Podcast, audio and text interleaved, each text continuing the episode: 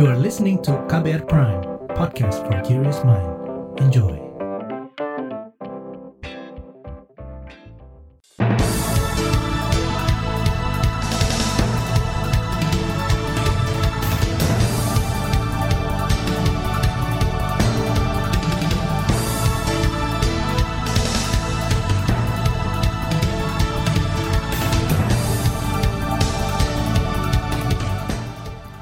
Selamat pagi saudara, senang sekali bisa menjumpai Anda kembali melalui program Buletin Pagi edisi Jumat 16 September 2022. Saya Malika, sejumlah informasi pilihan telah kami siapkan di antaranya, pemerintah diminta siapkan regulasi kriteria penerima subsidi listrik. Pemerintah klaim salurkan 40 persen dari total penerima BLT BBM. Papua dan Papua Barat pengecualian pembentukan daerah otonom baru. Inilah Buletin Pagi selengkapnya. Terbaru di Buletin Pagi. Saudara wacana penghapusan listrik kategori 450 volt ampere terus menuai kritik. Usul ini sebelumnya disampaikan Ketua Badan Anggaran Banggar DPR Said Abdullah. Said meminta adanya reformasi subsidi di bidang energi sebab pemberian subsidi saat ini tidak tepat sasaran. Dia juga beralasan penghapusan pelanggan 450 volt ampere dan dimigrasikan menjadi 900 volt ampere ini bertujuan untuk menyerap listrik milik PLN yang oversupply. Said mencatat PLN mengalami oversupply listrik sebanyak 6 gigawatt, bahkan tahun depan angkanya bertambah menjadi 7,4 gigawatt dengan beroperasinya pembangkit listrik baru. Sementara itu Kepala Badan Kebijakan Fiskal Kementerian Keuangan Febrio Kacaribu memproyeksi hingga akhir tahun ini subsidi dan kompensasi listrik akan membengkak hingga 131 triliun rupiah lebih. Angka itu berasal dari subsidi sebesar 66,47 triliun rupiah dan kompensasi sebesar 64,55 triliun rupiah. Febrio mengatakan kebijakan subsidi listrik golongan 1 450 volt ampere masih diberikan kepada seluruh pelanggan sehingga belum sepenuhnya tepat sasaran. Sementara kalau kita lihat dari komposisi penerima manfaat kompensasi, industri besar itu menjadi penerima manfaat paling besar, yaitu 49,7 persen. Lalu di sisi lain, bisnis besar 15,0 persen dari besarnya kompensasi yang dibayarkan di tahun 2021. Di sisi lain ada rumah tangga mampu yang juga menikmati manfaat dari kompensasi listrik 2021. Sehingga data-data ini kita harapkan akan menjadi dasar bagi kita untuk terus memperbaiki ketepat sasaran sasaran dari subsidi maupun kompensasi listrik. Itu tadi Kepala Badan Kebijakan Fiskal Kementerian Keuangan Febrio Kacaribu. Saudara Kementerian Energi dan Sumber Daya Mineral menyebut usulan penghapusan pelanggan listrik golongan 1450 volt ampere masih memerlukan kajian. Juru bicara Kementerian Energi dan Sumber Daya Mineral Agung Pribadi dalam keterangan tertulis mengatakan rencana migrasi 450 ke 900 volt ampere didasari keinginan agar subsidi listrik diberikan lebih tepat sasaran. Dia memastikan tidak ada pengurangan anggaran dalam alokasi subsidi listrik tahun tahun 2023. Dia juga merinci dari sekitar 24,3 juta pelanggan 450 volt ampere terdapat sekitar 9,5 juta yang masuk dalam DTKS. Dari 14,8 juta pelanggan 450 volt ampere non DTKS, pihaknya telah melakukan survei untuk 12,2 juta pelanggan. Diketahui sekitar 51 persen lebih berhak menerima subsidi dan sekitar 49,9 persen atau 6,1 juta yang ditengarai tidak tepat sasaran. Ia menyebut angka ini berpotensi bertambah sampai survei dilakukan seluruhnya. Merespon banyaknya subsidi listrik yang tidak tepat sasaran, PT PLN mengaku sulit membedakan pelanggan PLN 450 volt ampere yang masuk dalam DTKS dan non-DTKS. Direktur Utama PT PLN Darmawan Prasojo mengungkapkan petugas di lapangan kerap sulit membedakan masyarakat pengguna daya listrik 450 volt ampere yang termasuk dalam kategori masyarakat miskin kami sudah hadir di lapangan antara pelanggan 450 VA yang DTKS, yaitu yang masuk keluarga miskin, dan pelanggan 450 VA non-DTKS, secara kasat mata ternyata sulit dibedakan. Jadi kalau petugas kami datang, ya taunya adalah rumah tangga ini adalah rumah tangga yang miskin, sesuai dengan kategori dari Kementerian Sosial. Dalam hal ini penampilan rumah kasat matanya sulit dibedakan. Itu tadi Direktur Utama PT PLN Darmawan Prasojo. Sementara itu Wakil Presiden Eksekutif Komunikasi Korporat PT PLN Gregorius Aditrianto dikutip dari Tempo menyatakan lembaganya masih berkoordinasi dengan pemerintah dan DPR menyikapi usulan pembenahan penyaluran subsidi listrik agar tepat sasaran. Sementara itu, Wakil Ketua Komisi yang membidangi energi DPR Edi Suparno meminta anggota DPR lain fokus pada pembahasan dan finalisasi kebijakan sebelum disampaikan ke publik. Apalagi menurutnya belum ada pembahasan penghapusan pelanggan 450 volt ampere dan menaikannya menjadi 900 volt ampere di komisi yang membidangi energi DPR. Kita hari ini meminta klarifikasi dan kita minta supaya itu tidak ada komunikasi lagi kepada publik terkait hal ini sampai dengan ada kejelasan. Jangan sampai hari ini hanya menjadi wacana, tetapi wacana saja sudah menimbulkan kebingungan, bahkan kepanikan di publik bahwa mereka nanti akan terbebani dengan beban listrik yang tidak dipakai, padahal 450 volt ampere sudah cukup sampai saat ini. Jadi kita minta stop dulu komunikasi ke publik, kita bicarakan internal, nanti kita finalisasi dan kita sampaikan hasil finalnya ke publik. Itu tadi Wakil Ketua Komisi yang membidangi energi di DPR, Edi Suparno. Sementara pengamat ekonomi dari lembaga Indef mendorong pemerintah menyiapkan regulasi terkait kriteria penerima subsidi listrik serta meninjau langsung ke lapangan untuk validasi data penerima.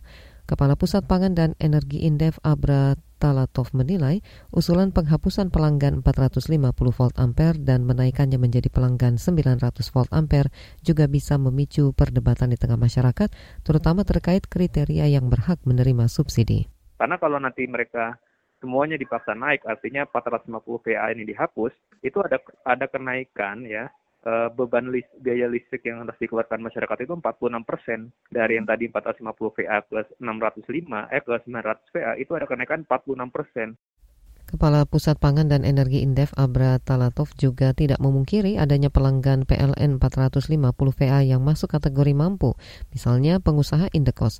Jikapun nanti menghapus sesuai usulan Badan Anggaran DPR, pemerintah juga harus memastikan siapa pihak yang menanggung tambahan biaya listrik jika konsumen beralih ke 900 volt ampere. Apalagi alih daya itu akan lebih membebani konsumen 450 VA bersubsidi yang berasal dari kelompok yang berpendapatan rendah. Saudara BSSN sebut lebih dari 800 juta serangan cyber terjadi sepanjang 2022. Informasinya hadir sesaat lagi, tetaplah di Buletin Pagi KBR. You're listening to KBR Pride, podcast for curious mind. Enjoy!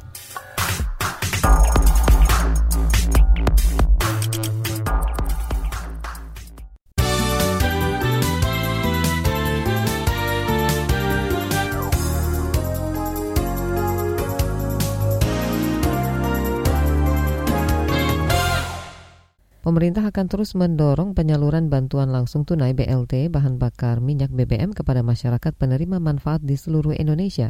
Saat kunjungan kerjanya di Maluku kemarin, Presiden Joko Widodo mengklaim pemerintah telah menyalurkan 40 persen dari total target penerima manfaat BLT BBM. Sekali lagi ini di seluruh Indonesia telah tersalurkan kurang lebih 40 persen.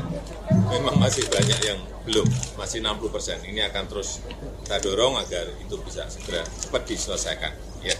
Presiden Jokowi juga memastikan BLT BBM akan diserahkan ke seluruh masyarakat penerima manfaat hingga ke pelosok tanah air, termasuk di daerah terpencil, terluar, dan pedalaman.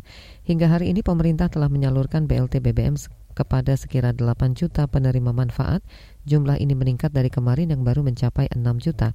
Jumlah kabupaten dan kota yang telah disalurkan juga bertambah. Kita ke soal lain, Badan Siber dan Sandi Negara BSSN mencatat lebih dari 800 juta anomali trafik atau serangan siber yang terjadi di Indonesia sepanjang 2022.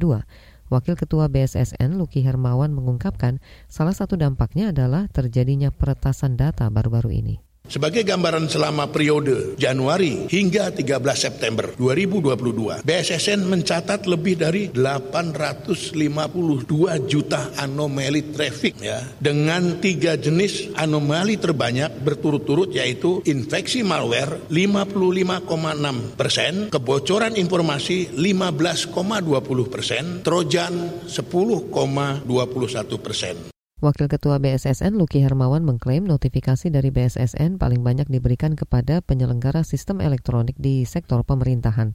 Kemudian di sektor pendidikan dan sektor strategis lain seperti ESDM, transportasi, keuangan, kesehatan, TIK, pangan, dan pertahanan. Komisi Pemberantasan Korupsi KPK meminta pemberian remisi bebas bersyarat, mengapresiasi dan mempertimbangkan perilaku terpidana sejak penyelidikan. Wakil Ketua KPK Nurul Gufron menilai perspektif pemberian remisi hanya mempertimbangkan masa pembinaan di lapas itu dinilai tidak masuk akal. Padahal perilakunya itu perilaku yang sebelumnya pada saat proses pidana pidana proses penyelidikan-penyelidikan, mereka-mereka tersangka korupsi itu adalah merugikan uang rakyat dan kepentingan orang orang banyak. Maka kalau kemudian dikonversi hanya dengan donor darah, itu kan sangat tidak tidak proporsional. Jadi remisi maupun pembebasan bersyarat itu hak yang diberikan di pasal 10 Undang-Undang Pemasyarakatan, tetapi pelaksanaannya harus proporsional. Itu tadi Wakil Ketua KPK Nurul Gufron. Sebelumnya, 23 narapidana kasus korupsi bebas setelah menerima program pembebasan bersyarat dari Kementerian Hukum dan HAM awal September lalu. Kita ke informasi ekonomi, Badan Pusat Statistik BPS mencatat neraca perdagangan Agustus mengalami surplus sebesar 85 triliun rupiah Deputi Bidang Statistik Distribusi dan Jasa BPS Setianto menyebut surplus ini berasal dari kondisi ekspor Agustus yang mencapai 27,91 miliar dolar Amerika atau setara 402 triliun rupiah. Angka itu lebih besar dari impor yang hanya sebesar 22,15 miliar dolar Amerika atau 327 triliun rupiah. Neraca perdagangan barang mencatat surplus sebesar 5,76 miliar US dollar. Neraca perdagangan sampai dengan Agustus 2022 ini membukukan surplus selama 28 bulan berturut-turut sejak Mei 2020. Deputi Bidang Statistik Distribusi BPS Setiato menambahkan penyumbang surplus non-migas yakni bahan bakar mineral, besi dan baja, serta lemak dan minyak hewan maupun nabati. Sementara komoditas migas tercatat mengalami defisit dari komoditas minyak mentah, hasil minyak, serta gas. Ada tiga negara penyumbang surplus neraca perdagangan non-migas yakni India, Amerika Serikat, dan Filipina. Kementerian Energi dan Sumber Daya Mineral terus mendorong hilirisasi industri mineral dan batubara dalam negeri untuk meningkatkan pendapatan negara. Apalagi Presiden Joko Widodo juga telah menghentikan ekspor nikel dan berencana menghentikan ekspor timah, bauksit, dan tembaga secara bertahap. Dirjen Minerba Kementerian ESDM Ridwan Jamaludin mengimbau pengusaha bersiap-siap menghadapi penghentian ekspor minerba itu. Bauksit sudah disebut-sebut oleh Presiden, uh, para pelaku boksit uh, Inalum ada yang hadir ya atau virtual mungkin harus siap-siap juga mau gimana gini langkah berikutnya. Kita sudah melihat beberapa rencana besar. Tapi dalam praktek lapangannya rencana besar saja tidak cukup mesti rencananya sampai detail gitu ya. Dirjen Minerba Kementerian ESDM Ridwan Jamaludin mencontohkan saat ini PT Timah hampir selesai membangun pabrik pengolahan dan pemurnian atau smelter baru sebagai persiapan hadapi kebijakan larangan ekspor timah. Sejak awal Januari 2020 Presiden Joko Widodo telah menghentikan ekspor nikel. Ia juga berencana akan menghentikan ekspor komoditas tambang lain secara bertahap untuk mendongkrak pendapatan negara. Kita beralih ke berita mancanegara. Perserikatan Bangsa-Bangsa PBB belum melihat adanya kesepakatan damai guna mengakhiri perang Rusia melawan Ukraina. Kesimpulan itu didapat Sekretaris Jenderal PBB Antonio Guterres setelah menelpon Presiden Rusia Vladimir Putin Rabu lalu. Dikutip dari CNN, Guterres juga menyebut gencatan senjata antara keduanya juga belum terlihat dalam waktu dekat. Saat menelpon Putin, Guterres membahas berbagai masalah termasuk kesepakatan pasokan serta pengiriman gandum dan kemungkinan ekspor dari Rusia. Guterres juga mengingatkan Rusia terkait hambatan ekspor makanan dan pupuk dari negara itu, termasuk tawanan perang dan akses bagi tim pencari fakta PBB menyelidiki serangan artileri yang meluluh lantakan sebuah penjara di Ukraina dan saat ini diduduki Rusia. Beralih ke berita olahraga, petenis dunia Roger Federer mengumumkan akan pensiun dari tenis ATP dan Grand Slam setelah mengikuti kejuaraan Lever Cup pada 23 hingga 25 September mendatang. Pengumuman itu ditulis Federer melalui akun Instagramnya kemarin. Legenda tenis asal Swiss itu menyatakan tak lagi bisa mencapai kebugaran maksimal untuk bisa dapat bersaing dan tetap kompetitif. Petenis berusia 41 tahun itu telah memainkan lebih dari 1.500 pertandingan selama 24 tahun. Pemilik 20 gelar Grand Slam itu menegaskan Lever Cup menjadi ajang ATP terakhir yang akan ia ikuti. Di bagian berikutnya akan kami hadirkan laporan khas KBR yang membahas rentetan aksi demo tolak kenaikan harga BBM. Simak usai jeda, tetaplah di Buletin Pagi KBR. You're listening to KBR Pride, podcast for curious mind. Enjoy!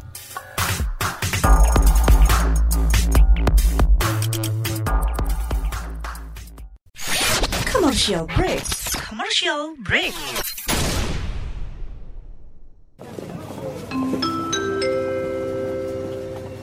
Mohon perhatian. Panggilan terakhir penumpang Trending Air dengan nomor penerbangan WT0101 dipersilakan segera mendengarkan podcast What's Trending melalui Spotify. Karena podcast What's Trending sekarang ada di playlist teman perjalananmu. Selamat menikmati. Terima kasih.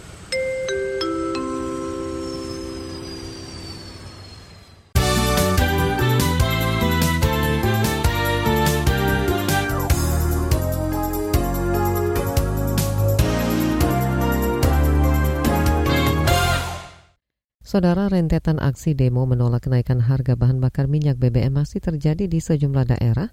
Aksi dilakukan berbagai kelompok masyarakat seperti buruh, petani, nelayan hingga mahasiswa.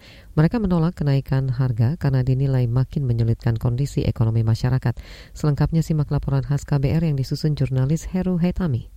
Dua pekan sejak Presiden Joko Widodo menaikkan harga bahan bakar minyak BBM subsidi, eskalasi penolakan terus terjadi di sejumlah daerah. Penolakan itu disuarakan berbagai kalangan mulai dari buruh, petani, nelayan, hingga mahasiswa. Alasannya antara lain kenaikan harga BBM akan menurunkan daya beli masyarakat yang saat ini sudah turun sebesar 30 persen. Presiden Konfederasi Serikat Pekerja Indonesia KSPI Said Iqbal mengatakan buruh di berbagai daerah bakal mendesak para pimpinan daerah membuat rekomendasi penolakan kenaikan harga BBM. Isi surat rekomendasi itu hanya satu, menolak kenaikan harga BBM. Ini adalah aspirasi daerah harus didengar. Dikirim surat rekomendasi itu ke Presiden RI dan pimpinan DPR RI. Supaya mereka paham bahwa kebijakan pusat telah menyengsarakan rakyat Indonesia. Penolakan juga disampaikan Serikat Petani Indonesia SPI, sebab para petani juga membutuhkan BBM subsidi selama proses produksi atau selama melakukan kegiatan pertanian. Selain itu, naiknya harga BBM juga berdampak pada kenaikan harga-harga bahan pokok yang juga dirasakan oleh mereka. Sekretaris Umum SPI Agus Ruli menyebut kenaikan bensin hanya akan menambah persoalan di kalangan petani rakyat. Itu semakin juga memperparah situasi kondisi agraria dan petani. Tentu secara langsung akan dirasakan biaya produksi pertanian akan meningkat. Sementara perlindungan-perlindungan terhadap petani dari mulai lahan, dari mulai biaya infrastruktur pertanian sampai kepada persoalan harga belum ada perlindungan. Tak hanya petani, para nelayan kecil kecil mulai terimpit dan kesulitan ekonomi imbas kenaikan harga bahan bakar minyak atau BBM subsidi. Itu karena beban melaut meningkat lantaran harga BBM solar di lapangan sudah di kisaran 8 hingga 9 ribu rupiah per liter. Ketua Kesatuan Nelayan Tradisional Indonesia KNTI Dani Setiawan. Otomatis dengan beban tambahan biaya operasional melaut semacam itu, pengeluaran nelayan juga semakin meningkat. Nah, tetapi di sisi yang lain sebenarnya harga-harga ikan juga belum ada tanda-tanda meningkat kalau dalam laporan ya. Ketua Kesatuan Nelayan Tradisional Indonesia KNTI Dani Setiawan menambahkan, saat ini nelayan kecil hanya bisa pasrah dan berharap ada bantuan dari pemerintah, khususnya Para nelayan yang dijanjikan mendapat bantuan dari pemerintah daerah melalui alokasi 2% dari dana alokasi umum DAK dan dana bagi hasil DBH. Menurut Dani, bantuan itu setidaknya bisa meringankan beban para nelayan yang omset pendapatannya terus menurun akibat kenaikan BBM. Dalam pengamatan ekonom, dampak kenaikan BBM mulai terasa dari kenaikan harga barang hingga kenaikan ongkos kendaraan. Ekonom dari Pusat Studi Ekonomi dan Hukum Selios, Bima Yudhistira mengatakan dampak buruk kebijakan ini terutama terjadi pada kelompok masyarakat miskin. Begini kondisinya, maka harga-harga barang akan naik lebih tinggi dan yang akan dirugikan sebenarnya adalah konsumen khususnya yang tidak menerima bansos, yaitu yang kategori kelas menengah rentan. Jumlahnya cukup banyak. Bima menyarankan pemerintah mempertimbangkan pembatalan kenaikan. Kata dia, pemerintah dapat memperbaiki tata kelola sasaran penerima BBM subsidi tanpa harus menaikkan harga. Sebab meski pemerintah menggelontorkan bantuan sosial usai menaikkan harga bensin, namun bansos tersebut tidak akan cukup untuk mengatasi dampak yang terjadi. Dalam jangka panjang, kenaikan harga BBM dapat meningkatkan angka kemiskinan dan inflasi. Ini justru menunjukkan bahwa pemerintah sendiri khawatir efek atau ekses dari BBM ini akan berlangsung lama. Jadi sebaiknya diturunkan harganya kalau mau pembatasan didukung. Nah, tapi pembatasannya dengan data yang valid sehingga solar bocornya bisa ditutup. Misalnya untuk pengusaha-pengusaha besar itu kan sudah dapat insentif dari negara, sudah dapat untung dari harga komoditas,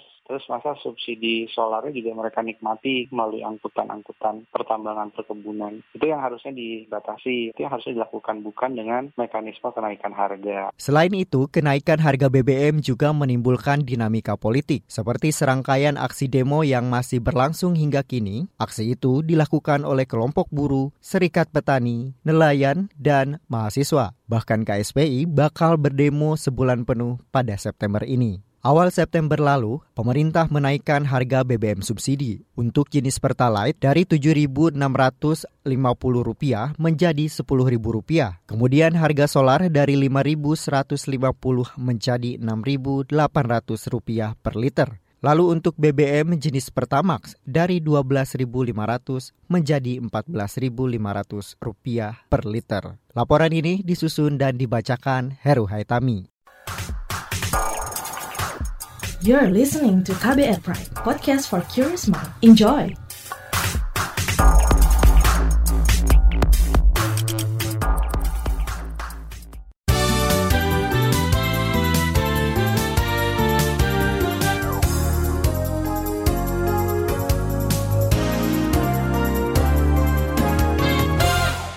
Inilah bagian akhir buletin pagi KBR. Saudara Wakil Presiden Maruf Amin menegaskan saat ini pemerintah masih memoratorium pemekaran daerah otonomi baru DOB kecuali Papua dan Papua Barat. Wapres juga ketua dewan yang juga ketua Dewan Pertimbangan Otonomi Daerah beralasan beberapa daerah yang ingin memekarkan wilayahnya dinilai memiliki pendapatan asli daerah PAD yang cukup kecil dan bergantung kepada APBN.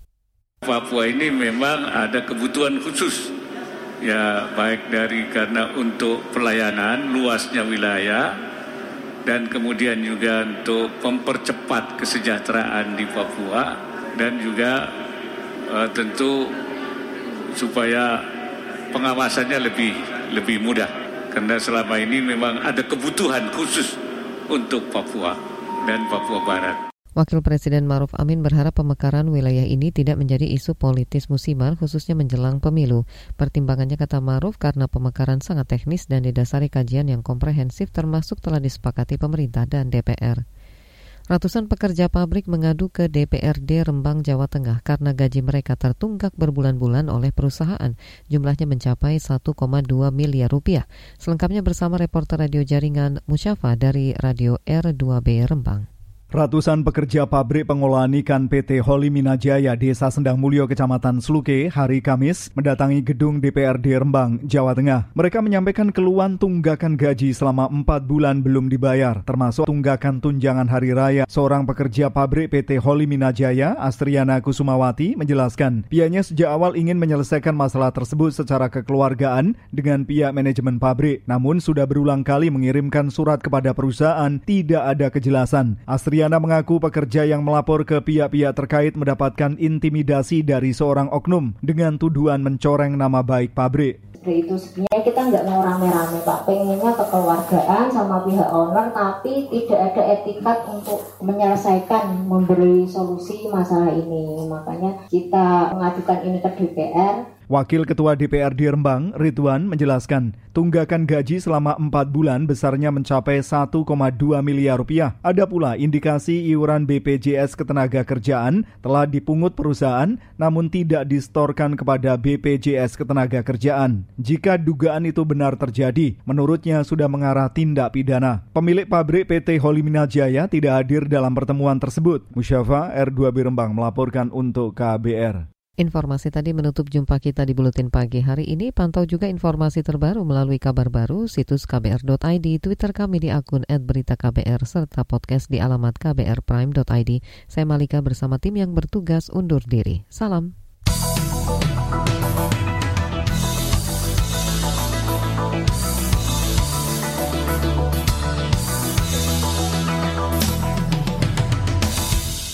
KBR Prime, cara asik mendengar berita. KBR Prime, podcast for curious mind.